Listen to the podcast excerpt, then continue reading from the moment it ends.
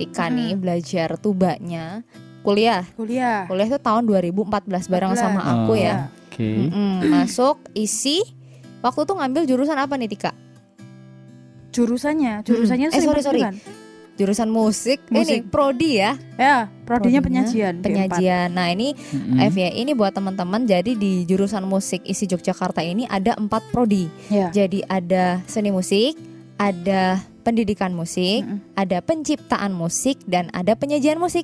Nah, aku sendiri di penciptaan musik. Jadi kayak sok-sok pengen jadi komposer gitu, kayak ADMS, Erwin Gutawa Oke. gitu kan. Nah, kalau si Tika ini jadi penyajian musik Iya. ya. Jadi kayak performers gitu ya. Hmm. Tika ya. Dan pada waktu itu kan memang penyajian di angkatan kita kan baru prodi terbaru itu. Iya, percobaan memang. itu. Iya, masih. Karena saya memang mikirnya, wah ini berarti saya kuliah cuma main-main aja nih gitu, main musik aja nih gitu. teorinya, teorinya nggak begitu gitu loh mas. Karena memang fokusnya memang di main gitu kalau di penyajian. Kok taunya cuma buat percobaan toh waktu itu, tapi ya, ya, ya udah. Ya gitulah namanya kelinci kan lucu awalnya. Kelihatannya lucu gitu. Lama-lama bingung. ya, gitu-gitu tapi emang emang karena awal-awal si prodi waktu itu tapi alhamdulillah sekarang sepertinya mudah-mudahan semakin membaik sih Iya. prodi di Iya. versi Yogyakarta. Ah. Nah kalau boleh tahu nih Tika di tahun 2014 tuh selama kamu kuliah menjalani kuliah ada nggak hal-hal yang berkesan?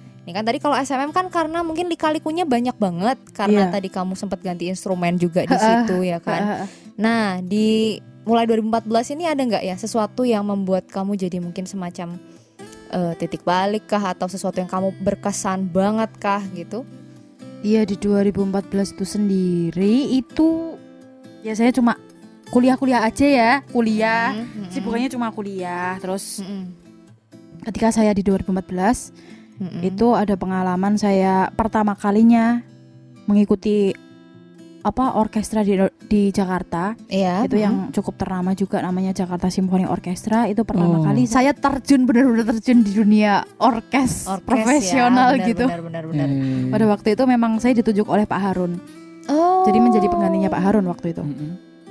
terus ya udah jadi kuliah ya kalau misal ada pekerjaan gitu saya pasti saya tinggal mas. Mm-mm. Jadi saya tinggal terus saya mengikuti CSO itu saya Mm-mm. belajar untuk benar-benar mandiri yang dari Jogja ke Jakarta harus membawa tuba sebesar itu Oh. dan itu kan saya naik naiknya naik kereta bawa tuba sebesar itu bawa koper untuk ke Jakarta gitu itu pertama kali saya ke Jakarta ya nggak nggak juga sih nggak pertama kali ke Jakarta cuma gabung di orkes profesional gitu. Di Jakarta betapa gitu ya. gitu. Wah memang itu emang cita-cita saya sebelumnya. Memang cita-cita saya sebelumnya Saya pengen banget nih jadi pemain orkes gitu. Mm-mm. Paling nggak di Jakarta lah gitu. Pengen Eh, banget. Oh, ya akhirnya alhamdulillah kesampaian gitu mas. Dream come true. Ya. Kesampaian Ya. alhamdulillahnya. Terus akhirnya saya ikut CSO Ya saya seneng tapi saya deg-degan juga. Pas waktu proses Pas waktu ketika proses ini cerita sedikit ya Untuk di CSO sendiri. Karena itu pengalaman pertama orkes buat saya Mm-mm. saya tuh memang deg-degan dan ketika itu saya dikondak oleh orang Amerika kondak konduktor dari Amerika Oke. nah di awal itu memang saya udah, di- udah dikirimin part partitur Hmm. dikirimin lagunya apa yang harus dibahas yang harus dipelajarin gitu tapi saya nggak mempelajari gitu karena saya memang sebelumnya saya nggak pernah tahu sebenarnya orkes tuh apa Hmm. orkes tuh gimana sih ngejob tuh gimana gitu pekerjaan Nah. itu gimana tuh saya tuh nggak tahu mas memang Sistemnya harus Ha-ha. ngapain urutannya Heeh, begitu. saya belum pernah dibumboni sama ya teman-teman yang mungkin udah lebih profesional dari Paham. saya gitu. Jadi saya bener-bener nol nol nol banget terus akhirnya saya udah mental we lah wani gitu, berani Nah. gitu untuk ke sana. Akhirnya di sana saya pas waktu latihan itu saya sampai dimarahin itu sama sama konduktornya karena memang saya belum siap, Mas. Heeh. Dan memang banyak banget nada-nada yang nggak saya tiup. Nggak saya tiup jadi saya tuh nyabun gitu, nyabun. Jadi Mas bener-bener gitu ya. Wah parah banget sih kacau banget sih gitu dan di antara semua orang itu memang saya sendiri yang kayaknya tuh kayak kok kok bodoh banget gitu saya orang baru terus saya juga terjun di dunia orkes juga baru gitu Mm-mm. terus saya malah dikondaknya kok yang dilalai sama orang Langsung orang luar orang- langsung luar. gitu yang itu pastinya lebih pro- pro- pro- Profesional. lagi Mm-mm. profesional lagi Mungkin itu ya yang bikin apa? Ketara banget kelihatan banget kayak ala anak baru ini Iya. gitu ya sih? Iya. iya Jadi Ya, secara Wah, pengalaman juga itu mungkin tapi kan. bener-bener saya pucet banget pucet banget pas waktu Pucet latihan tuh pasti. pucet terus pernah pas di tengah-tengah lagu itu saya di, dipanggil sama konduktornya tuba gitu dimarahin dimarahin ya itu kan tambah mentalnya tambah Iya, tambah drop tuh saya pasti. lah ya makanya terus depan orang aduh banyak. ini kenapa ya aku salah ya memang salah sih aku memang belum siap apa apa pun gitu Hmm. Terus akhirnya saya malu kan malu Hmm. gitu di depan anak-anak orkes gitu konduktor marahin saya ya akhirnya ya udahlah ya udahlah jadi gitu. pengalaman Ba- besok bakalan tak ubah maksudnya kayak aku harus harus jadi lebih baik lagi nih gitu Iya. Ya dari situ saya bermula kalau misalkan tidak ada Jakarta Symphony Orchestra saya nggak mengikuti di tahun 2014 ini mungkin saya nggak nggak sampai nggak nggak nggak seperti sekarang ini gitu loh. Oh. Heeh, jadi memang berkesinambungan banget memang JSO itu sendiri memang pengalaman yang sangat sangat berkesan sangat berharga walaupun saya memang terlihat jelek lah di situ Hmm, hmm. terlihat saya tuh sebenarnya nggak mampu gitu kamu tuh nggak mampu di situ ngapain gitu tapi saya dari situ saya sadar gitu saya harus mengubah apa yang harus saya ubah. Nah. saya harus jauh lebih baik gitu kalau misal besok Nah. diundang di orkes mana gitu saya harus mencoba untuk lebih baik lagi Nah, justru Namanya itu juga- pukulan eh, pukulan untuk saya gitu karir kan namanya Iya. juga eh. betul. Yang penting itu eh, terus ya yang penting nggak menyerahnya, ya nggak sih. Yang Ya. penting tetap semangatnya. Iya, yang penting untuk selalu Iya. evaluasi diri dan mau memperbaiki diri. Yang kayak Tika tadi lakuin sih itu yang Betul. kayaknya itu semua kunci untuk tetap bisa maju dalam hal apa pun Betul. gitu loh. Jadi jangan pernah menyerah adalah kunci Iya. kesuksesan jangan menyerah. oke Oke. Oke oke. Kat dulu. Ini kan udah 40 menit ya? Eh, Gimana? Tetap lanjut? lanjut aja Oke 12. lanjut yuk 12 ya Ah se se se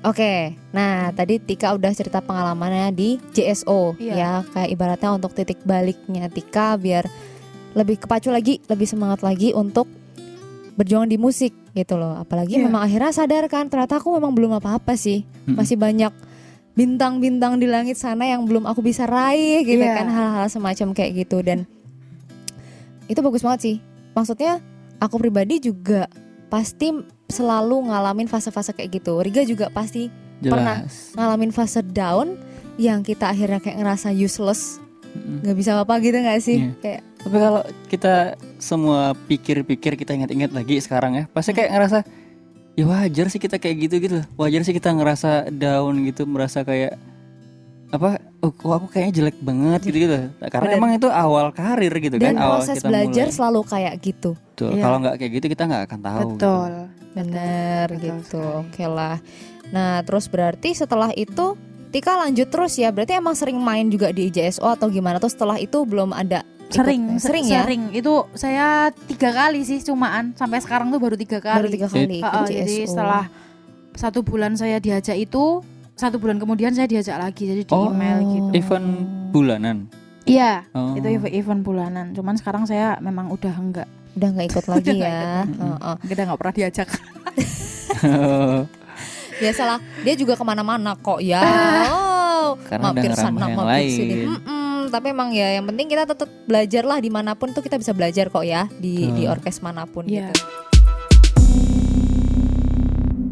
Oke, nah berarti Tika ini dari 2014 sampai sekarang masih lanjut kuliah ya, kuliah terus ya? enggak enggak saya enggak enggak Oh. lanjut itu karena memang ada di semester 3 itu saya memang ada penawaran beasiswa itu Oh gitu. Heeh, itu dari senior ya. saya yang sekarang sekolah di Yongsito Conservatory Musik Singapura sana itu Singapura Iya, ya. Singapura Heeh. itu Terus, bilang kalau saya kemarin itu loh lihat-lihat apa konser kamu di Himasi Queen Orchestra di UNY gitu dan saya memang melihat kemampuanmu kayaknya kamu mampu deh kalau misal sekolah di luar gitu gimana Hmm. gitu kamu nggak tawaran itu gitu kebetulan saya kenal dengan kepala tiupnya di Nanyang di Wah. Nava itu sendiri itu namanya Mr. Jos Flah Hmm. Kesempatan besar itu. iya terus akhirnya wah saya mau banget mas ini beneran apa enggak gitu Mm-mm. iya beneran gitu yang penting kamu niup niup terus kamu harus latihan terus oh iya mas siap siap siap ya dari situ kan saya saya memutuskan untuk ya aku keluar aja lah gitu dan ketika Hah? itu keluar keluar, Nah, dari isi. keluar dari isi Mas. Hmm. keluar dari Wah. isi Suatu Jadi langsung keputusan yang berani banget. keputusan Iya yang sih. berani banget dengan PD-nya kan Heeh. gitu padahal saya belum belum tentu kan keterima apa enggak kan Heeh. gitu Oh, lah oke. di, di tengah-tengah perjalanan ketika saya mau ke Nava itu sendiri itu tuh memang saya sangat anjlok sih mas jadi kayak pikirannya udahlah blong gitu kok Mm-mm. ternyata malah ada ada masalah lain gitu. Ternyata memang di Nanyang sendiri itu ada mahasiswa Tuba Hmm. baru, mahasiswa baru yang mau masuk Tuba gitu. Mm-mm. Kenapa kok saya kok di di apa diajak untuk Ya ditawarin. untuk sekolah untuk Hmm. sekolah di sana itu karena memang selama tiga tiga tahun berturut-turut itu memang belum ada pemain Oh. tuba. Nek di nek di luar negeri itu kan kalau nggak salah performance itu kebanyakan D3 Mm-mm. lulusan Ya, D3 ya. D4 gitu. Hmm. Lah itu saya yang di Nanyang itu harusnya D3 tapi ternyata nggak diduga gitu Mr. Joshua ngabarin saya di Hamin satu minggu padahal saya udah udah membeli tiket pesawat Hmm. semuanya itu udah siap Hmm. semua tinggal berangkat tok kok yo Pak Jos ngabarin saya kalau Tika mohon maaf sekali gitu kesempatan kamu untuk di sini itu memang sa- sangat kecil gitu tapi Hmm. kamu harus tetap mencoba gitu gitu bilangnya lewat chat gitu Wah, loh loh, kenapa loh, loh. gitu ya itu karena karena memang ada ada mahasiswa baru nih yang mau masuk ini Mm-mm. mau masuk ke Nanyang gitu dan itu tuba gitu dan mungkin karena karena sana kan bayar toh gitu sedangkan Iya. kalau aku kan hanya beasiswa Mm-mm. itu benar-benar Karena mereka scholarship juga gitu kekurangan orang tadi gitu ya iya yang peminatnya heeh, gitu ya. heeh, heeh, Mas. terus malah akhirnya ya sananya sa- saya akhirnya mundur sebenarnya sama Mr. Joshua saya disuruh nyoba Tetap terus nyoba. nyoba. Oh, disuruh maju. Ayo kamu maju aja nggak apa-apa gitu, walaupun kesempatan kamu sedikit gitu. Tapi dari situ saya udah nggak kuat mas, mental saya udah nggak kuat, udahlah Iya gitu. sih. Saya juga juga nggak ada penguat gitu. Saya punya instrumen aja belum, saya belum ada Hmm. instrumen. Dan ketika itu sampai orang tua saya tuh sampai ya pinjam pinjam uang ke sana kemari untuk membelikan saya tuba waktu itu. Hmm. Dan itu pun stu- tuba itu student, masih student jadi masih masih seri yang paling ah, ah, paling bawah, paling bawah ya. belum profesional. Ber- berarti gitu. mahal banget ya tuh banyak mahal berapa banget, iya. Kalau boleh tahu berapa tuh? Ya kalau ses- eh, sesuai sesuai itu ya mereknya ya. Sebenarnya kalau Cina gitu ya murah. Tapi nek kayak yang udah profesional profesional gitu ya hampir ratusan juta itu ada. 200 juta pun ada. Wah, ya bisa Sampai 200 kebayang juta. ya mahalnya kayak gimana. Iya. Buset. Makanya dulu awal-awal juga Tika kayaknya lebih sering untuk minjem dulu ya, gitu. Mm-mm. Mm-mm. Sampai Lebih akhirnya bisa pinjem. dibeliin tuba sama orang tua. Iya, awalnya memang dibelikan sama orang tua. Ya udah, Mm, itu. akhirnya bisa beli tuba. Heeh. Ya iya. Terus selama ini eh selama diisi itu perform perform itu pakai tuba dari dari isi? kampus, Mas. Oh. Dari kampus heeh, emang menyediakan. Jadi memang sih. awal-awal banget saya itu memang dari SMM itu saya nggak pernah yang namanya punya cita-cita untuk apakah saya itu bisa ya beli tuba gitu. Nggak pernah mas berangan kayak gitu karena memang saya tuh anak-anak orang biasa gitu nggak yang Hmm. orang yang kaya yang punya gitu tuh nggak makanya saya menyadari diri saya kalau ya bumbuan lah ngono nggak tahu lah aku bakalan bisa punya alat itu apa enggak gitu Hmm. terus orang tua akhirnya membelikan dengan dana yang dana yang ada aja berapa akhirnya cuma dapat yang student itu untuk persiapan ke Nafa waktu Iya. itu Hmm.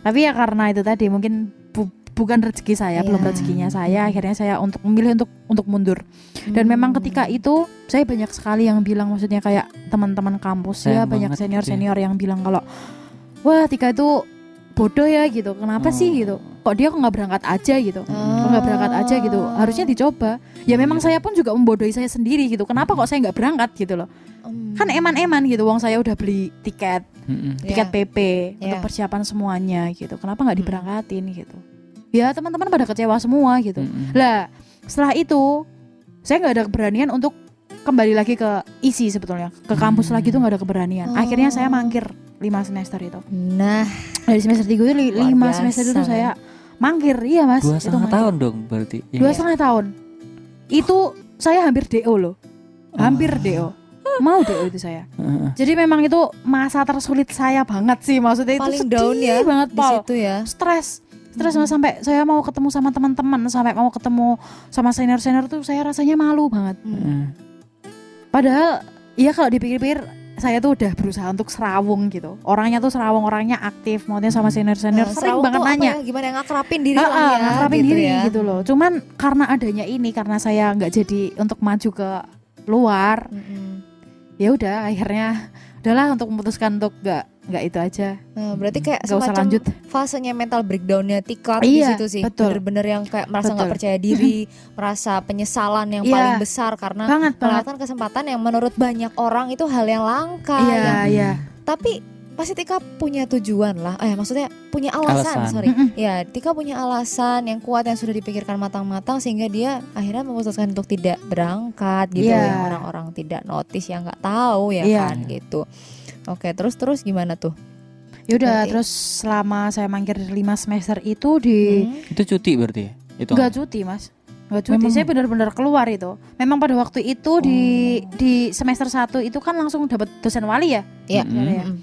itu udah dapat dosen wali saya itu dapatnya prof prof Johan Mm-mm. ya Hmm. sekarang ngajarnya di pasca gitu terus saya memang sebelum sebelum saya memutuskan untuk keluar dari isi sendiri saya itu ketemu sama prof Johan untuk untuk konsultasi Konsul. ini baiknya saya gimana ya pak gitu atau Mm. saya mengundurkan diri atau atau langsung tinggal aja gitu Mm-mm. Profesor Johar memang menyarankan untuk udah gitu, kamu langsung tinggalkan aja gitu. Kamu lebih baik kamu mengambil sekolah yang di luar aja gitu, Mm-mm. gitu daripada di sini karena memang SD SDM-nya di sini tuh memang belum memadai apalagi Mm. untuk instrumen tuba sendiri. Oh gitu. Kan gitu. Mm-mm. Terus akhirnya Profesor Johan ya udah merestui saya untuk udah kamu keluar, aja lagi gitu. ya. Jadi tanpa ada pengurusan nggak nggak pakai pengunduran diri nggak ada ACC dari itu ya? nggak ada mas. Iya udah belandang aja gitu saya. ya itu tadi sih karena mungkin udah kayak putus asa juga gak sih Maksudnya nggak kebayang lah Iya. mau ngelanjutin Banget. kan. Hmm. oke oke nah terus selama dua setengah tahun itu ngapain dong kamu Iya, Maksudnya di- nganggur banget gitu enggak, gimana? enggak juga. Di tahun pertama tuh saya itu kan berarti di 2014 ya awal eh akhir ya. akhir ya, Heeh, ya, itu ya. pas waktu Agustus saya mengikuti anu audisi GBN. oh GBN itu Bahana GBN? Nusantara. nah itu tuh pernah dengar gak kita eh Oh. sorry kok kita pernah dengar gak Riga Kita Bahana Nusantara. Mm-mm. Ah, apa itu? Nah itu tuh ya kalau mungkin buat teman-teman yang belum tahu ya Tika itu orkestra yang eh, Iya. punya negara nggak sih kalau Iya, nggak salah betul. ya dan itu Hmm. untuk ngiringin eh, apa namanya acara kenegaraan di 17 Agustus. Iya, acara. Kayak Oh, gitu. iya, iya, iya. Dan jangan Biasanya. salah yang aku tahu itu selalu audisi tiap tahun. Ya nggak sih? Iya, betul. Oh iya. Mm-mm. Heeh. Yang di film-film kalau misalkan yang main Betul. itu berarti ya, yang main musiknya itu. Oh. Iya. Hmm. Jadi Gita Bahana Nusantara adalah pagelaran orkestra yang dikolaborasikan dengan instrumen musik nasional yang terdiri Hmm. dari gabungan pemusik dan vokalis muda terbaik yang Oh, dipilih melalui gitu. audisi dari seluruh provinsi Indonesia. Oh, Jadi dari Oh, 34 gitu. provinsi itu dipilih yang terbaik. Gitu. Gitu. Jadi kayak emang apa ya disaring banget untuk Mm-mm. orang-orang terpilih. Mm-mm. Memang ya maksudnya secara Betul. kemampuan gitu dan otomatis memang kesempatan itu selalu diambil dengan baik oleh teman-teman yang akhirnya bisa masuk ke GBN ini Iya. gitu. Dan kalau nggak salah emang ada kayak masanya cuman bisa berapa kali ikut gitu ya? Iya ya? betul. Ha-ha. Kalau yang apa? Tika ini sendiri udah pernah ikut berapa kali GBN? Saya mengikuti udah tiga tiga kali berturut-turut di tahun 2015, 2016 dan 2017. Wah, Oke. kebayang nggak tuh? ya mungkin itu karena karena sedikit ya yang ikut audisi karena sekarang main tuba itu kan sedikit banget emang sebetulnya. iya, iya, iya. Berarti karena lowongan saingan per instrumennya juga ya, berarti ngaruh juga berarti ya. Ngaruh. Ngaruh. Oh, Tapi iya, Ya pasti dong. Kalau emang sedikit berarti susah ya nggak sih? Iya. Ya. Maksudnya vokal tuh banyak banget ya Tika Iya ya. betul. Uh, kalau kalau aku yang aku tahu ya, Mm-mm. kalau nggak salah ya Tika ya berarti kan kalau yang vokal nih kalau bisa cuma bisa ambil sekali, Iya sekali betul. kesempatan Mm-mm. aja untuk GBN. Sekali. Sekali yang pemain kesempatan. string kayak biola, cello Heeh. gitu itu hanya dua kali. dua kali, dua Kalau kali sampai tiga kali. Sekarang udah dibatasi oh mas. gitu ya, oh, udah dibatasin dan Dua Tika kali deh kalau karena violin kan banyak itu. banyak. Ah. Banyak peminatnya. Berarti Tapi kalau tuba itu tiga kali. mm, peminat juga itu ya yang ngaruh itu ya. Hmm, Nah itu emang Kuotanya karena emang berapa kali? susah memang untuk cari pemain tuba Mm. Iya. apalagi untuk mereka yang concern yang memang secara kualitas itu qualified buat mereka ya memang susah jadi nggak usah merendah lah ya kamu Ya. ya mengakui saja kalau kamu memang secara kualitas memang dibutuhkan Hmm. gitu di Eh. GBN karena emang tiga kali berturut-turut loh Eh, ikut iya. Mana ya tingkatnya kan juga tingkat nasional gitu ya. Tingkat negara. Ya karena saya juga pinter aja kali ngomong sama jurinya gitu. Mengambil hati para juri itu jatuh mungkin saya hati juga ya pinter. pada juri ya Iya. Mungkin karena Jadi, kamu- tapi sebelumnya Hmm. tapi sebelumnya pengalaman tuh di 2014 saya tuh kan juga mengikuti audisi juga GBN. Tapi saya Mm-mm. nggak diterima gitu karena memang pesaingnya itu hmm. dua tahun di atas saya itu senior senior saya gitu. oh Jadi saya udah merasa kayak, waduh, iki eh nggak mungkin deh itu, nggak mungkin aku bakalan lolos gitu. Mm-mm. Dan pada akhirnya memang nggak lolos. Mm-mm.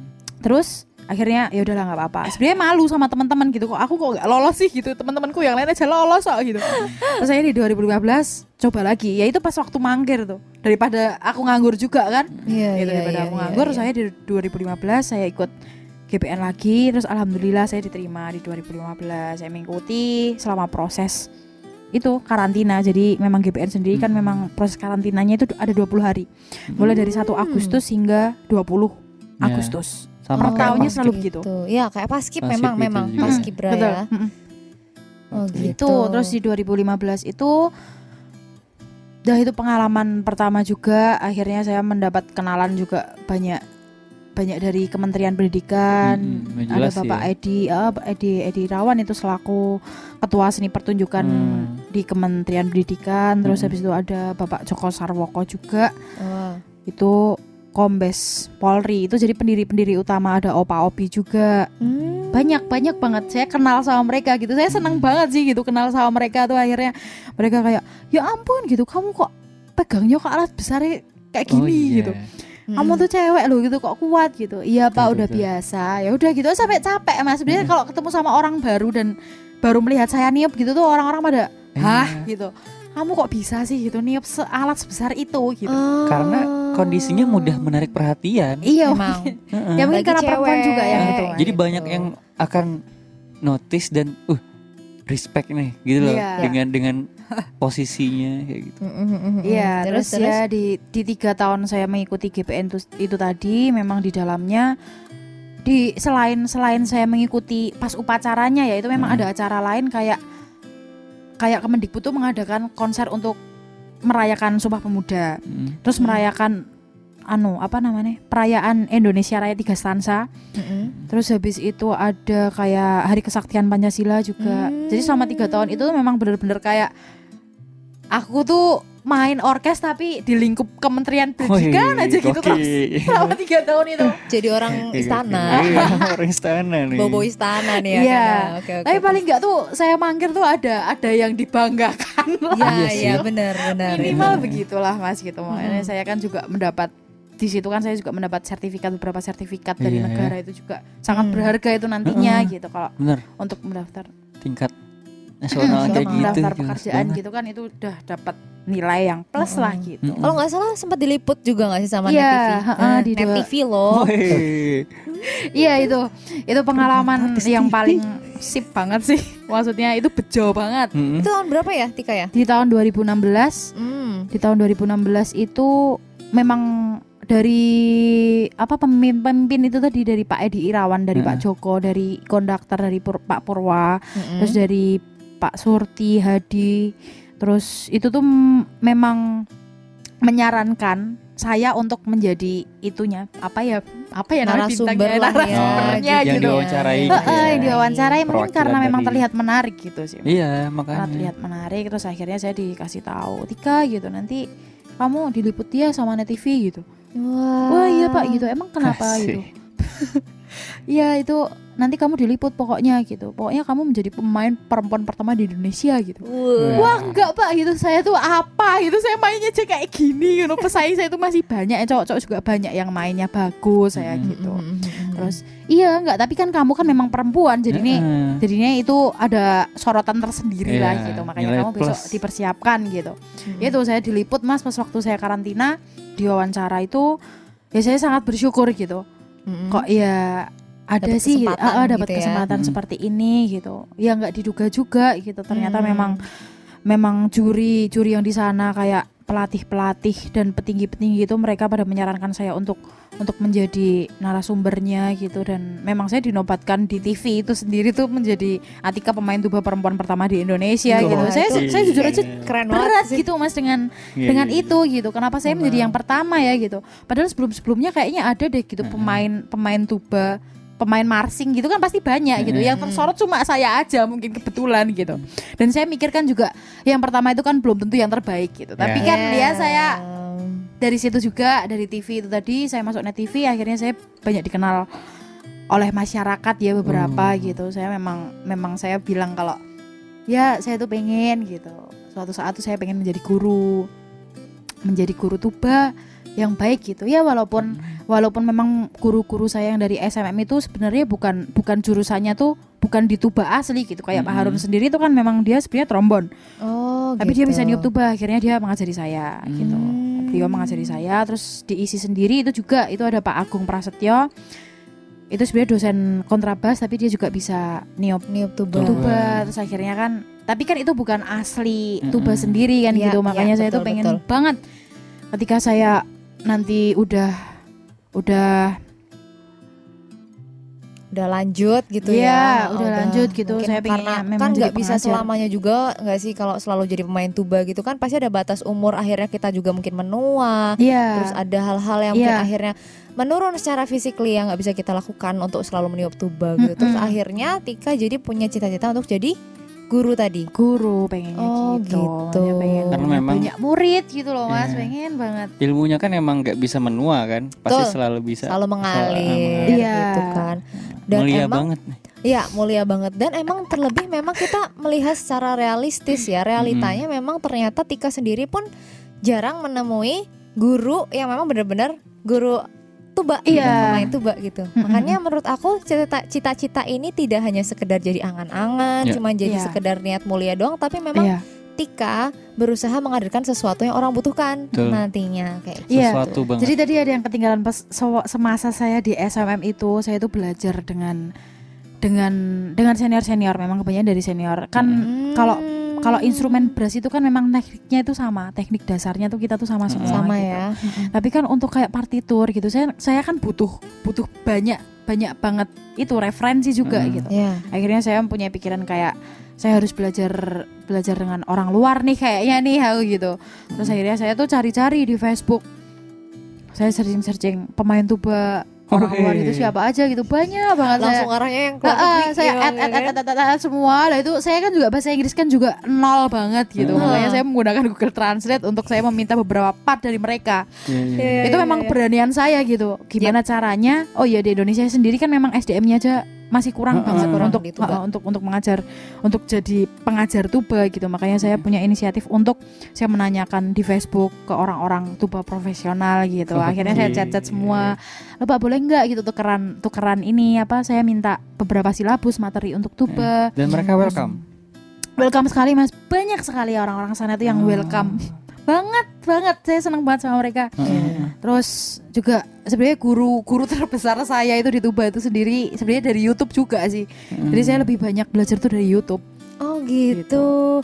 Ya itu sih maksudnya yang penting kita tuh nggak mentok di satu hal gitu Ya. loh. Kita tahu itu sesuatu yang sulit didapatkan terus kita jadi kayak ah udahlah nyerah Ah, aja deh. memang, memang Iya. susah ah males lah gitu. Gak, gak apa-apa kok segini aja Iya kebanyakan kayak gitu gitu dan Tika tidak melakukan itu loh gitu Iya. loh. Jadi kayak iya menginspirasi sih. Buat aku jadi kayak sesuatu yang nyadarin juga untuk saat ini. Wah aku kayaknya jangan gitulah gitu lah. Maksudnya udah gede juga nih. Malesan gitu loh kadang tuh nemu sesuatu ah nggak ada males. Tapi Tika pun nggak bisa bahasa Inggris. Dia masih bisa pakai Google Translate loh. perjuangan banget nih. Iya. Gak usah dipikir lah ya itu Iya, itu nggak bener dipikir. Yang penting, ah. Tapi usaha loh. Iya. Dan yang digaris bawahi orang luar itu ternyata memang sangat welcome ketika walaupun misalnya itu dari luar negeri gitu ya. Mereka Iya. kan lihat kita dari luar negeri ya. Eh ada yang mau belajar sama aku Mm-mm. gitu dan Heeh. mereka nih ya mungkin mereka juga excited juga ya Eh, buat buat ngerespon buat nge-share Iya. gitu apalagi sama-sama pemain tuba. nah itu dia sih Iya. sentimen. Mhm. Iya, makanya itu kenapa saya kenapa saya memang bercita-cita sekali gitu sekarang. Sekarang gini, maksudnya orkes, saya kan udah udah mengikuti beberapa orkes ya di Indonesia sekarang Iya. alhamdulillahnya. Mhm, mhm. Jadi kayak Jakarta City Philharmonic kayak terus Oh. kayak- Jakarta City Philharmonic Iya, itu berarti yang dibentuk sama Jakarta Ja- sendiri. dari Jakarta sendiri itu dari Oh, Dewan wow. Kesenian Jakarta itu. Oke. Jakarta. Uh, dan itu juga gitu. sangat itu memang adanya tuh di tahun 2018 kayaknya mulainya. mulai ada ya. Mulainya ada. dua tahun Oh, Dan itu benar-benar oke. kayak menghidupkan regenerasi apa anak-anak muda. Maksudnya Oh. musisi-musisi muda tuh mereka banyak yang di apa? yang jadi Yang ikut audisi memang. Karena memang mungkin itu dibuka menemukan audisi. wadahnya mungkin ya Yap, nggak sih? Iya, iya, heeh. bukan wadahnya emang yang kalau aku yang aku tahu sih memang namanya apa ya ketika satu negara itu kebutuhan musiknya itu sudah menjadi prioritas Heeh. dan akhirnya mereka bisa bikin eh, apa orkestra dari kota mereka sendiri kayak misalnya ada Bandung Philharmonic juga nggak ya kalau Iya. nggak salah Tika ada Bandung Iya. Philharmonic ada Jakarta City Philharmonic berarti emang kita sudah di tahap musik jadi kebutuhan Iya. dan kalau nggak salah tuh juga udah jadi kategori negara maju gitu loh jadi kayak Hmm. Aku jadi ikut bangga sih dengernya sudah ada yang dibentuk oleh Dewan Kesenian Jakarta sendiri. Iya, Kayak dan gitu. itu per bulannya selalu ada orkes, Mas. Jadi Tuh, memang selalu ada acara ya. gitu yang harus diapresiasi oleh masyarakat. betul. Yang Itu- selalu diadakan pasti di Taman Ismail Marzuki. Ah, Hmm. Taman Ismail Marzuki Iya. ya. Jadi ini sekalian nih eh, mungkin buat sahabat Melodika yang belum tahu, silakan kalau misalnya nanti ada eventnya lagi, boleh banget untuk join. Silakan nanti tahu dong, oh orke- orkestra tuh kayak apa sih, musik Hmm. Klasik tuh seperti apa sih. Betul. Karena betul. kita tetap harus menghormati apa ya karya-karya klasik ya, karena itu Hmm. kayak cikal bakalnya musik ini bisa berkembang sampai sekarang gitu loh. Iya. Jadi buat aku ini apa ya? ilmu yang berharga kalau emang teman-teman suatu saat pengen lihat kayak Iya. gitu. Oke oke. Gitu, Terus terus itu salah satunya tadi kan saya pernah main di Jakarta Symphony Orchestra tuh pertama kali. Mm. Terus juga mengikuti Jakarta City, City Philharmonic itu sampai Hmm. sekarang. Dan itu juga itu pun juga saya tuh hoki gitu. Kenapa saya bisa diajak ini gitu. Sebenarnya kan harusnya audisi, ada audisi tuh. Oh. Tapi memang tuba sendiri tuh memang nggak dibuka. Memang nggak dibuka audisi, nggak tahu kenapa gitu. Saya Oh, pernah gitu. pernah nanya sama konduktornya itu Bapak Budi Budi Nah. Tomo Prabowo itu bilang kalau ya udah siapa lagi pemain tuba Oh iya.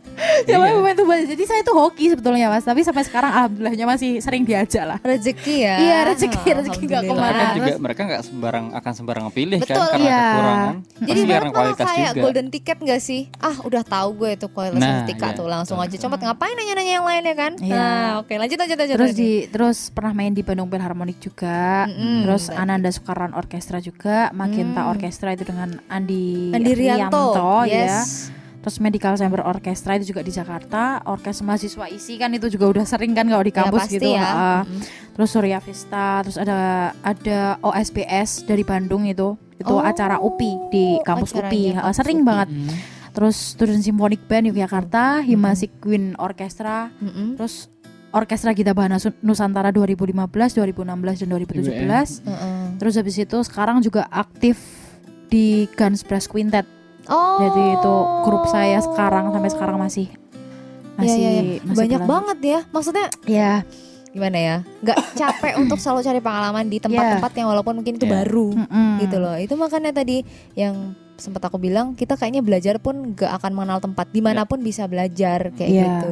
Kalau tadi quintetnya Tika ya, Mm-mm. Guns Guns Brass Quintet. Betul. Terus Itu, pernah mm. ikut juga di apa? Jadi jadi solois waktu itu solis di ini di kampus Oh. disuruh sama Pak Wahyuti itu dosen ensemble tiup kan disuruh menjadi solois tuba gitu. Heeh. itu juga pernah terus sama paling penghargaan yang akhir-akhir ini yang sangat itu sangat sangat nggak disangka gitu ternyata saya disuruh ikut juga di Jepang waktu kemarin itu di 2019 Hmm. Oh. di 2019 iya saya orkes dengan Jakarta City Philharmonic itu Hmm. Mm, jadi itu ada acara Asia Orchestra Week jadi per tahunnya itu selalu ada memang dan alhamdulillahnya Jakarta City Philharmonic pada waktu pada tahun 2019 diundang untuk main di sana. Dan saya hanya Gitu. memainkan satu repertoar. Yang lainnya empat repertoar kan kasihan. Oh gitu. Iya. Iya, iya. Ya, tapi Eh, apa tetap namanya? aja itu luar negeri. Iya. Benar, benar, benar. Iya. Itu kesempatan yang aduh bisa jadi kayak langka banget Hmm. dan itu kayak Eh. rezeki banget bisa akhirnya join untuk ke orkestra luar negeri Iya, ya kan dan- kayak gitu. Ya ampun bersyukur sekali gitu saya saya merasakan konser di Iya. Di teaternya sana di teater Hmm. Jepang jadi itu namanya Opera City Concert Hall itu tempatnya di Tokyo Jepang ya. Wow, Tokyo. Itu tempat orkesnya itu terbaik nomor 6 di dunia. Wih. Ya Allah, Bisa saya tuh niup sedikit aja piano gitu tuh kayak udah kerasa sampai ujung-ujung, ujung-ujung ruangan tuh sampai Oh, kayak udah ruangannya. denger gitu loh. Jadi fals tuh denger banget. Makanya saya deg-degan cuma itu pengalaman yang sangat luar Tapi biasa sih saya bisa ke sana. tuba juga nggak? Gimana mas? Diteriakin tuba juga nggak? Tuba. Tuba. enggak, ya? enggak, enggak. Enggak ya? Enggak, Udah udah, pengalaman ya. Cuma satu lagu mas itu aja Iya. popopan. oh, dangdut. oh, pop-popan. Iya. Oh, berarti kalau ngomongin pop berarti Tika juga pernah dong kayak kolaborasi sama artis-artis pop Iya. gitu berarti ya. Mm-mm. Kayak artis gitu mungkin pernah nggak kalau ngiring-ngiringin kayak gitu tuh? Iya, kalau artis sendiri banyak sih artis. Kalau artis sendiri, saya itu pernah mengiringi Raisa, terus Wah, juga, Raisa. terus Putri Ayu, Bio. terus PCL, terus Firza Idol, Ariel Noah, Oh, banyak, Radian, banyak, terus banyak, ada banyak. waktu itu almarhum Didi Kempot juga, Meli Goslo, ada Kunto Aji, terus siapa lagi ya, Toh Pati, Ah. Semi Simorangkir, Regina Idol, Selon Seven, terus Banyak Jota Slim, ah, banyak Ari Lasso gitu Oh. sampai presiden ke berapa BJ Habibie itu Keempat. keempat ya itu juga Hmm. pernah saya iringi pas waktu konser BCL dengan Magenta Orchestra Oh, gitu. itu. Tapi kebanyakan dari ngiringin artis ini di event apa sih? itu di event-event apa ya mas ya paling kalau memang baru di job di job sama atasannya jadi kalau artis Heeh. itu sendiri mau menggelar konser besar gitu Heeh. pasti kan dia minta tolong sama kondak apa ya, ya pemilik orkestra or- orkestranya itu Untuk misalkan nyari- kayak Oh. Andi Rianto sebagai dia pemegang Magenta Orkestra kan Heeh. Otomatis si artis itu ngejob si Pak An- Pak Andi itu tadi. Iya, iya. tuh terus habis itu baru ngejob kitanya. Oh. Oh, gitu kita sebagai kayak musisi gitu. diundang diundang diundang. Gitu. Terus ya ada ada ada satu pengalaman menarik lagi itu di saya. Pernah pernah mengikuti film apa? Menjadi menjadi pemeran film Wah, Eh, eh, Desember Orchestra itu di festival film internasional yang berjudul Hmm. Ave Mariam itu yang ditayangkan pada bulan April tahun lalu tahun 2019 Tika jadi pemain film. iya Oh my god. Wadaw. itu sama Chico Kenapa? Jericho Hah? sama Chico Jericho Ciko Jericho. Iya. itu syutingnya itu di Semarang di di apa? Di Sewu Kota. pi- pintu Lawang Sewu. Lawang Bapak, Sewu. Ibu.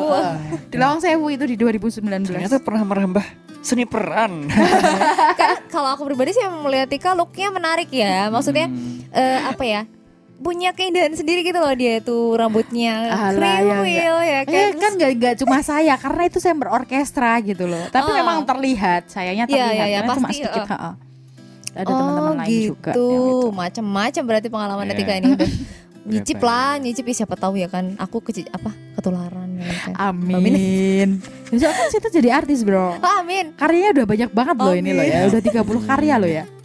Udah aminin rame-rame ya, sahabat Melodika ya. Amin. Amin. Nah, oke. Nah, berarti kalau dari pengalaman-pengalaman itu ya tentu aja berarti yang membuat Tika akhirnya jadi kayak sekarang lah ya, maksudnya Iya, udah kebentuk banget dan aku melihat di sini nilai plusnya adalah walaupun orkestra itu identik dengan musik klasik, tapi dari Tika tadi udah nyebutin banyak banget artis yang Iya. sudah dia iringin gitu.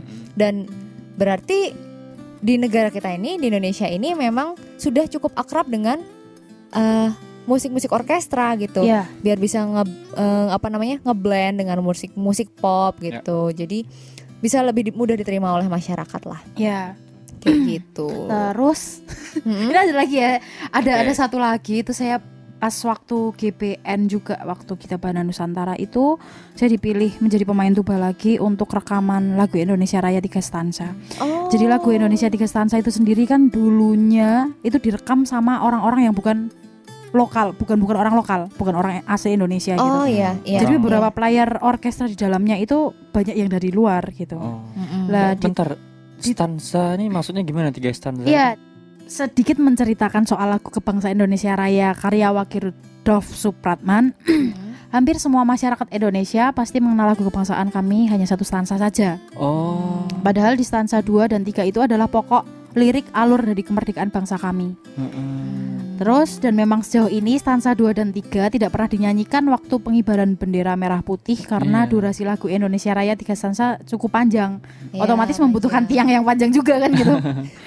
Jadi saya menyimpulkan karena durasi dan proses pengibaran tidak bertepatan, ber- ti- tidak bertepatan gitu. Heeh. Tapi saya sangat menyukai sekali isi dari dari stansa 2 dan 3 ini gitu Mas. Heeh. Karena inti inti singkat dari lagu kebangsaan Indonesia Raya 3 stansa ini adalah di stansa 1 itu kan itu inti keseluruhan bahwa Indonesia sudah merdeka. Mm-mm. Dan pesan untuk masyarakat Indonesia untuk membangun jiwa dan raga untuk Indonesia. ya. Isi lirik stansa nomor 2 adalah menceritakan betapa kayanya Indonesia ini dengan banyak ragam ragam serta tanah Indonesia ini bisa untuk menghidupi menghidupi masyarakatnya maksudnya. Mm-mm. Kalau orang orang Jawa bilang kan tanah Jawi gemah ripah loh Jinawi itu. Mm-mm. Yang artinya tentram dan makmur serta sangat subur tanahnya kan gitu. Hmm. Di stansa 3 salah satu salah satu yang saya paling suka itu di stansa 3 ini menjaga semua isi dari Indonesia ini Mm-mm. dari saling menolong sesama, menyelamatkan sesama, tidak saling menindas, menyelamatkan alam dan seisinya, gunung, laut dan sumber daya alam yang ada di bangsa kami. Oke. Dan di perekaman lagu bangsa Indonesia Raya tersebut saya juga merasa bangga karena bisa mengikuti proses perekaman ulang total dengan pemain musik lokal gitu. Heeh. Dari generasi muda bangsa. full total gitu Iya. ya. Lokal maksudnya. Iya. Karena di perekaman sebelumnya itu beberapa pemain musiknya menggunakan pemain luar negeri itu tadi kan. Terus dan akhirnya sekarang sudah diperbarui ulang. Ya sudah akhirnya terbentuklah sekarang Indonesia apa lagu-lagu Indonesia Raya yang ada di SD, TK, SMP, yang SMA itu sekarang semua kita dengarkan Heeh. itu adalah hasil rekaman dari iya Oh berarti itu ada tiga main. Heeh. Dan itu rekamannya juga di Lokananta Solo. Jadi dulu tuh pas waktu Indonesia Raya pertama kali direkam itu juga di Ah. sana. Oh biar Jadi biar dapat apa ya Oh, iya. momennya sejarahnya. Ah, Heeh, heeh. Betul. Hmm, Keren, gitu keren, Di keren Lokananta banget Solo juga. makanya memang eh, apa ya kan kita jadi tahu ya sejarahnya ternyata Iya lagu Indonesia Raya itu betul. awalnya Stanza. eh, eh, tiga stansa Sejarahnya. ini Iya. sejarahnya juga ternyata tidak yang langsung mulus oleh Betul, Indonesia betul. sendiri Iya. kayak gitu tapi yang aku tahu lagu Indonesia Raya itu kalau yang aku tahu ya menurut orang luar pun kita tuh punya lagu kebangsaan yang sangat indah Sangat indah betul. Hmm. Iya, iya. gitu jadi sering banget dipuji Iya. bahkan kalau kita lihat di SEA Games tuh kayak bangga banget Iya. lagunya kok bagus banget Iya kayak sih. apa ya eh akornya alunan nadanya gitu sih? Ah, dan memang secara kata-kata pun tadi yang udah Tika sampaikan ternyata memang banyak banget maknanya Maknanya ya. dari tiga stansa itu yang mungkin sering kita dengar cuma satu Iya. dari dua dan tiga ternyata dalam juga Dalam, gitu. dalam banget. Itu sih yang perlu kita pelajarin lagi deh kayaknya ya aku Iya. juga ini biar makin mencintai bangsa cuy bentar lagi Agustusan cuy. Mm. Jadi Ya itu kan? dia sahabat Melodika, the more you know tentang Yes. sejarah. Ha-ha. Nah ini udah cerita panjang lebar banget Iya, kami tinggi lah ya. Apalagi nih berarti? Ya sudah itu saja. Itu mungkin. ya. Ya mungkin cita-cita sih, cita-cita untuk ke depan Mm-mm. saya itu kan memang saya sekarang melanjutkan sekolah lagi itu diisi. Oh ya, Iya. udah udah lanjut lagi ya Ah, sekarang ya. Saya masuk ya. lagi di prodi lain itu di seni musik. Mm-mm. Saya masuk itu di 2018. Mm-mm. Terus sekarang udah semester 4. Yes. Ya karena saya memang bercita-cita saya ingin menjadi pengajar itu tadi. Mm. Hmm. Saya pengen banget jadi dosen gitu, pengen jadi dosen tuba atau saya jadi pengajar tuba guru lah apa-apa. Iya iya iya. Terus saya akhirnya memilih untuk masuk kampus lagi, masuk isi Mm-mm. gitu kan. Masa iya masa iya aku mau cuma lulusan SMM kan gitu. Maksudnya cuma lulusan SMK kan kayaknya dipandang tuh kurang aduh. Gitu. Hmm. Sedangkan sekarang berkualitas lah, Heeh, berkualitas lagi terus gitu ya. makanya saya masuk lagi 2018 dengan cita-cita saya memang ingin sekali menjadi pengajar tuba dan Mm. ya sekarang memang baru merintis sih mas gitu alhamdulillahnya saya udah mempunyai dua tuba sekarang Hmm.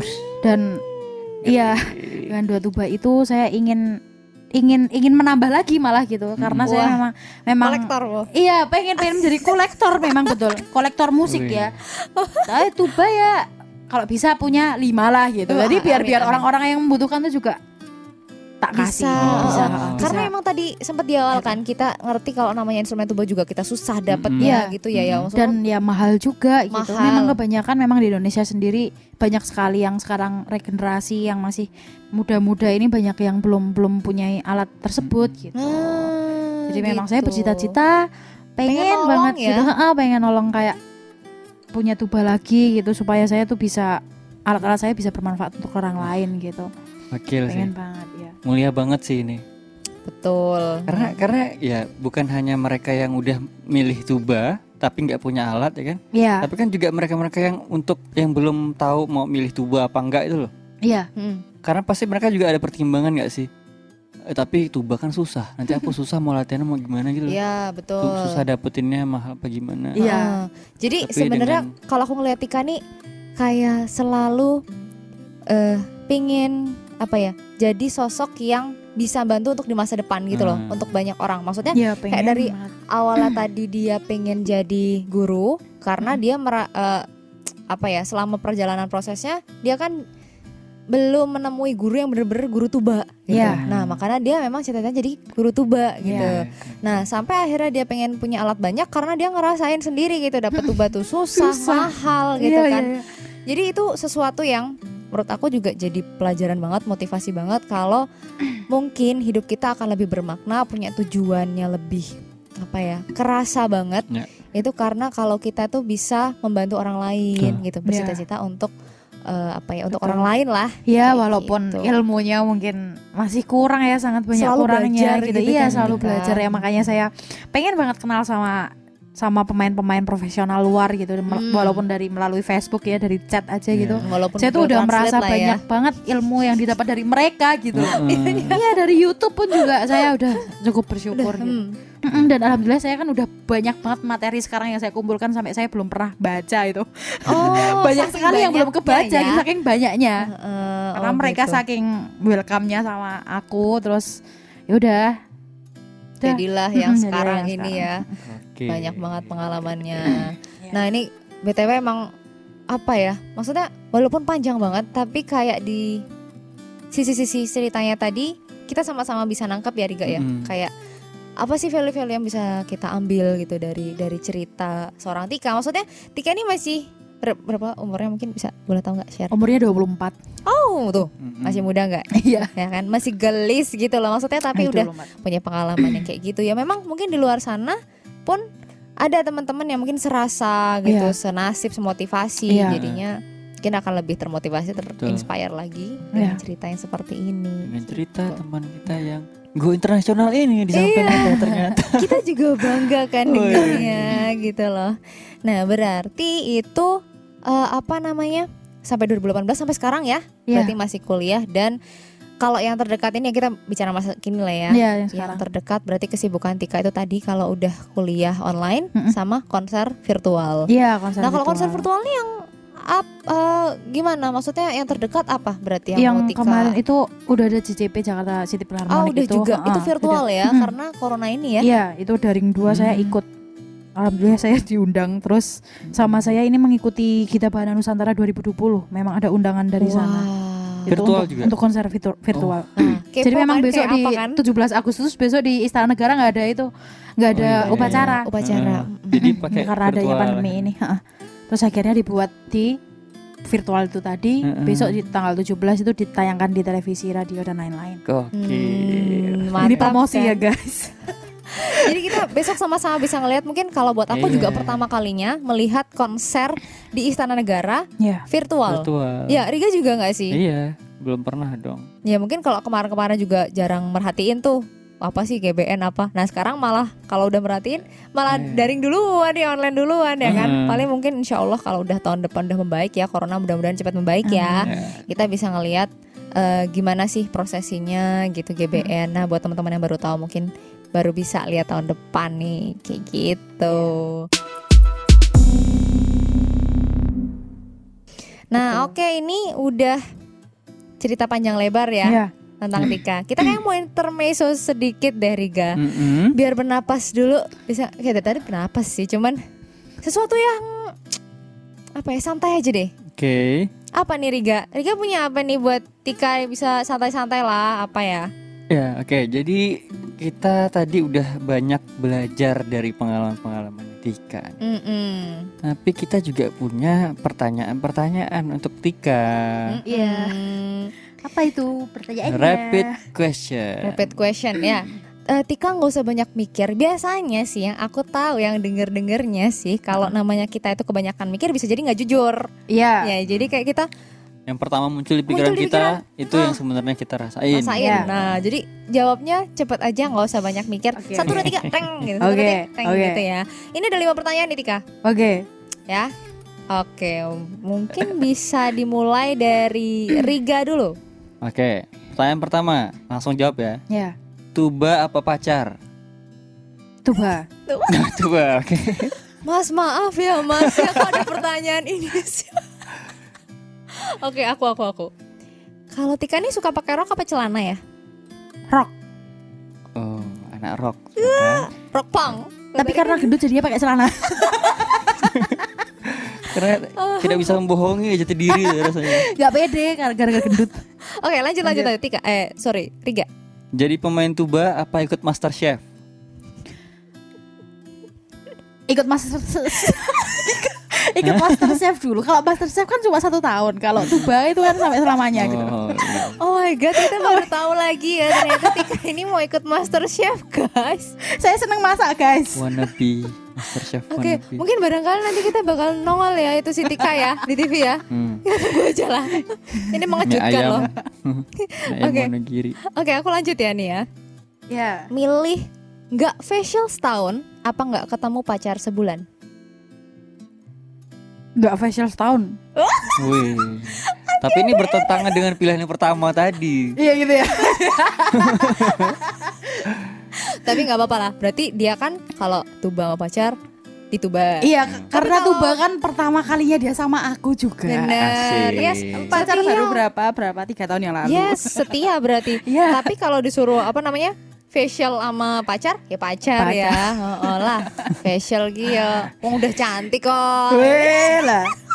Oke, lanjut. Terakhir nih, terakhir nih, Rick. Oh, terakhir. Oh, Oke. ini ini lumayan konyol nih menurut aku. Terus terus gimana? Milih rambut di rebonding lurus, Mm-mm. tapi dapat uang 5 juta, Heeh. apa tetap keriting tapi diwarnain putih kayak nenek-nenek? Pilih yang mana? Iya, Kayaknya panjang juga ya udah di bonding aja, di bonding aja, Oh, di dapat bonding 5 aja. juta. Kan Oh, gitu. iya. Karena kan nanti kalau di bonding itu nanti kan lama-lama rusak toh. Nanti lama-lama kan keritingnya Balik balik, lagi lagi, tinggal digundul. kalau diputihin jangan deh. Jangan ya. Oh ya wes berarti Tika ini emang mencintai uh, ininya apa namanya? Pokoknya rambutnya jangan sampai warnanya Iya, yang beda alami. lah gitu ya. Tapi bentuk beda ya wes Ya lah ya. warna ya, tapi ya jangan putih. Nek warna ya mau aja, tapi ya jangan putih. Karena putih. Oke, ini buat selingan aja ya Tika ben Oke. orang sepanang loh, ket mau Iya. sepanang loh, sepanang bro. banget, sepanang banget. Aku juga ngomong juga nggak jelas kan. Maaf Ya ya. sama-sama jadi kayak apa ya? Lebih ke ini sih belajar dari pengalaman orang gitu loh. Kita Ya. berdua ya Rika Ya. ya. Tuh. Mm-mm. Nah kalau BTW sih kan pasti dalam proses kita apa namanya berkembang sampai saat ini kan pasti kan ada orang-orang yang selalu dukung gitu kan kayak teman-teman gitu kan pasti juga selalu ini gak sih Tika Iya. kayak selalu bareng-bareng gitu Tika ada Haters gak sih mungkin kayak juga banyak tapi nggak tak pikirin. apa-apa Haters. Nah, lo kan udah artis Oh. biasanya artis nih ada ada her- ada artisnya gitu Hertes. Enggak bapak. Banyak yang nggak senang gitu mungkin juga banyak gitu. Iya Tapi yang nggak Hmm, tangan. ya wajar lah Iya. nggak apa-apa Makin kita fokus dengan eh, diri kita berkarya dan lain-lain pasti juga makin sejajar gitu kan pasti juga yang haters juga atau nggak senang atau sirik pasti ada. Iya pasti ada sih. Tapi bukannya itu malah yang bikin kita jadi kayak menemukan orang yang kita Hmm. nyaman, terus kita bisa berkembang dengan siapa akhirnya juga kita tahu Iya. gitu ya Iya. kan. Kita Iya. sendiri yang akhirnya mutusin sama. Makanya makin tua tuh makin ngerti. Ah udahlah, yang mau tulus sama aku ya ayo, Mm-mm. ya enggak ya, enggak masalah kayak Iya. gitu kan gitu. Betul. Nah, BTW aku sebenarnya penasaran sih, mungkin kayak ada temannya Tika yang bisa kasih apa ya? eh, gambaran buat dia tuh Tika tuh orangnya kayak apa sih gitu kan. Hmm. Ya nggak sih? Mm-mm. aku pengen nelponin seorang ya mungkin nanti ini Tika tahu apa enggak suaranya Hmm? ya Siapa ini? ya ini saya sih call someone ya Oke. oke bisa dengar nggak Tika nih Bisa bisa. saya Halo, halo Tika bisa denger nggak ini suaranya siapa ya kira-kira bisa tebak nggak nih Tika Enggak enggak. coba ngomong lagi coba lagi lagi lagi Enggak. halo Atika. Halo Atika. Apa ya? coba ngobrolnya agak panjang deh Ah, coba deh agak panjang jangan halo. Atika tahu nggak ini suaranya siapa? Enggak tahu. ih. Olivia bukan sih? Bukan ya? Masa Atika nggak bisa nebak sih? Masa Atika nggak bisa nebak sih? Ayo siapa? Tapi dia tuh medok bukan berarti nggak tahu nggak tahu siapa. Eh, Pak, mungkin coba kamu ceritain sesuatu yang itu tuh kamu sama Tika banget selalu kamu sama Tika deh yang lakuin nah apa tuh i- ini biasanya aku manggil Tika ini sih kalau lagi bercanda. Kita ya. Halo Gita. Eh, eh, ini juga ada Riga di sini nih, ada Halo, Riga juga. Gita. Iya. Mm-mm. Eh, Gita apa kabar nih? Baik, alhamdulillah. Sek- sekarang di mana ya Gita ya? Baru di lockdown sama orang tuanya di Kudus. Gimana Ti? Lagi di Kudus ya berarti sekarang ya? Iya. Oh, Oke, emang ini sih belum memungkinkan sih ya keadaannya untuk ke Jogja lagi. Tapi kapan nih dalam waktu dekat ada rencana ke Jogja nggak nih? Belum ada ya. Belum ada ya. heeh. Nah ini emang aku tuh sering banget kalau ngelihat Gita ini kayak udah nempel selalu sama Tika gitu loh kayak, aduh kayaknya apa ya? all of Tika tuh dia tahu deh. Bisa cerita nggak sedikit gitu? Tika tuh orangnya kayak apa yang berkesan banget buat Gita? Oke. Ah, Tika nih. Tika sabar. Sabar. Terus dia nih keibuan banget. Oh my god. Jelas. itu. Hmm. terus, ya, terus dia tuh lagi ini seneng banget masak, ya kan? Jadi ceritanya tuh pengen daftar master chef gitu. Ya, MCI, Tika MCI, bro. Masak dari sekarang, gitu loh.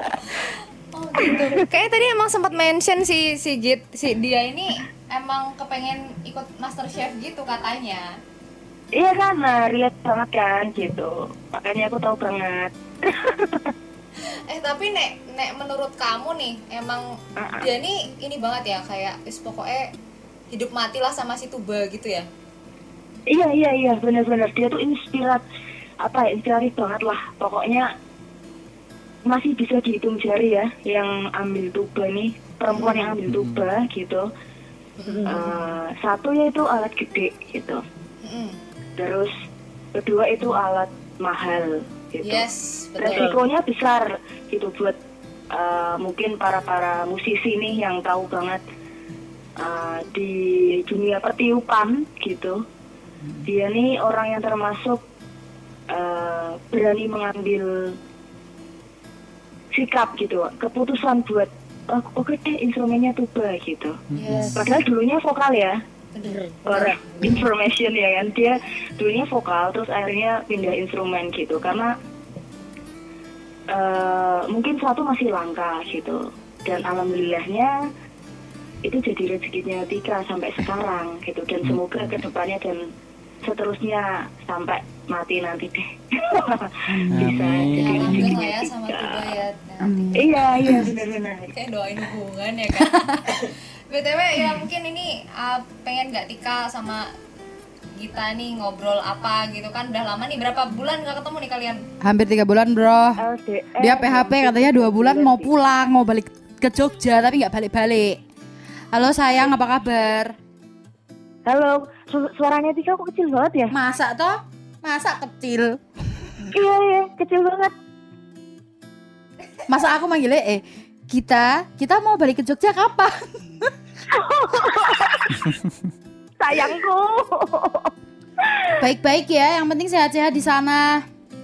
iya selalu sehat Iya, salam buat Bu nih, buat Bapak, buat Mas Galang semuanya. iya Ya. iya iya Semoga jualan sebelahnya ya untuk untuk pendengar yang ada di Kudus.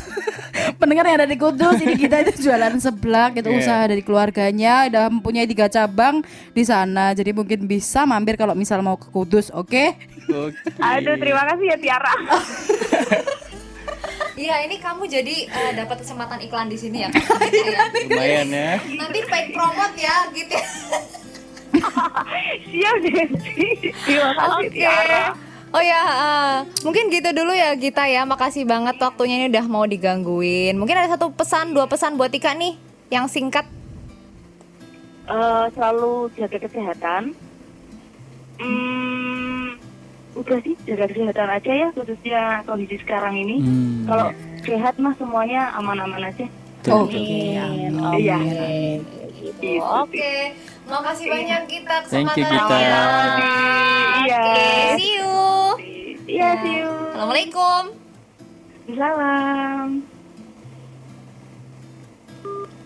Lah daerah tahu nggak aku Atika? Ya itulah makanya kenapa sesi call someone ini biasanya Oh gitu ya eh, apa namanya? Jadi surprise. Tapi aku emang merasa kayak Kayak jadi kenal. bintang tamu tenan. Bintang tamu tenan. kirain ini kayak tamu eh sorry sorry kayak siapa tadi gitu kan emang kayak dia tuh suaranya akhirnya jadi menyamar gitu loh Hmm. ya enggak kan Nah, oke oke Ya nggak kerasa ya. Kita sudah sampai di penghujung episode. Mm-mm, udah di penghujung episode kali ini nah eh, karena ini emang secara garis besar kan nyeritain tentang perjalanan musiknya Tika ya Ya, betul kalau boleh mungkin Tika mau ngasih pesan yang singkat Iya. yang mungkin bisa kayak sahabat. Melodika jadi meniru ya, Tuh, terinspirasi. terinspirasi gitu Iya. tiba-tiba. Mm-mm. Pesan pesan saya untuk sahabat Melody Podcast adalah Melodika, sorry. Melodika. Oh iya Me- Melodika. Oh iya Melodika. Oh iya ya. Pesan. Waduh. Pesan untuk sahabat Melody Melodika Podcast Yes. adalah Mari untuk generasi muda bangsa, kita semua mempunyai banyak kemampuan pada diri kita. Terus percaya diri dan bisa mempertanggungjawabkan apa yang menjadi angan cita dari kemampuan yang dimiliki. Proses yang penuh rintangan wajib untuk dilalui dan selalu disyukuri. Sekejam rintangan yang kita alami, rintangan tersebut adalah guru terbaik kita untuk menjadikan kuat, optimis bahwa kita mampu dan bisa menjadi yang terbaik. Iya, Iya, oke, sip banget ini pesannya yang mudah-mudahan bisa diserap oleh kita semua ya. Iya, yang jelas kita terima kasih banyak ya buat Tika. Sama-sama, seneng banget bisa ngobrol banyak gini. Iya, ya Semoga emang. sukses untuk Melodika Podcast, podcast. untuk Amin, selanjutnya. terima Semoga- kasih. Kalau mungkin ada, yang mau kenal Tika di Instagram mungkin? Bisa Tika Oh bisa iya, share follow Instagram Instagramnya? saya ti- @tika tuba t i k a t u b a atau Atika Septiana Laksmi. Nah, bisa ya kan kalau yang sosmednya pun ada bau-bau tubanya. Emang eh ada cinta mati dah udah ya itu tuh udah. Bro, udah. Itu banyak orang bilang alay juga. Gak apa-apa Tapi deh. nggak apa-apa. Iya, biarin orang-orang nyinyir gitu. biarin. Gampang di notice bener. Ya. Nah, oke deh kalau kayak gitu Oke. ini udah kita udah banyak banget ngobrol dan Iya. udah ada pesan-pesan dari Tika. Iya. Mungkin saatnya kita untuk pamit dulu di Ya, episode betul. yang saat ini ya. Dan jangan lupa nih kita ingetin lagi ya Riga Betul. untuk Tonton episode-episode Melodika Podcast yang lainnya. Mm-mm. Saksikan juga video-video yang udah ada kemarin. Di episode yang lalu ada episode Hai. Hai Terus nanti minggu depan juga akan ada Live Love ya mungkin kalian kangen ya kan kita ngoceh berdua nih kayak apa Ha-ha. tunggu aja deh nah kalian bisa temuin kita di Spotify dan YouTube. Dan YouTube juga di Instagram at Melodika Podcast. Ha-ha. Sampai jumpa sahabat Melodika di mana pun berada. Stay tune terus di Melodika Podcast.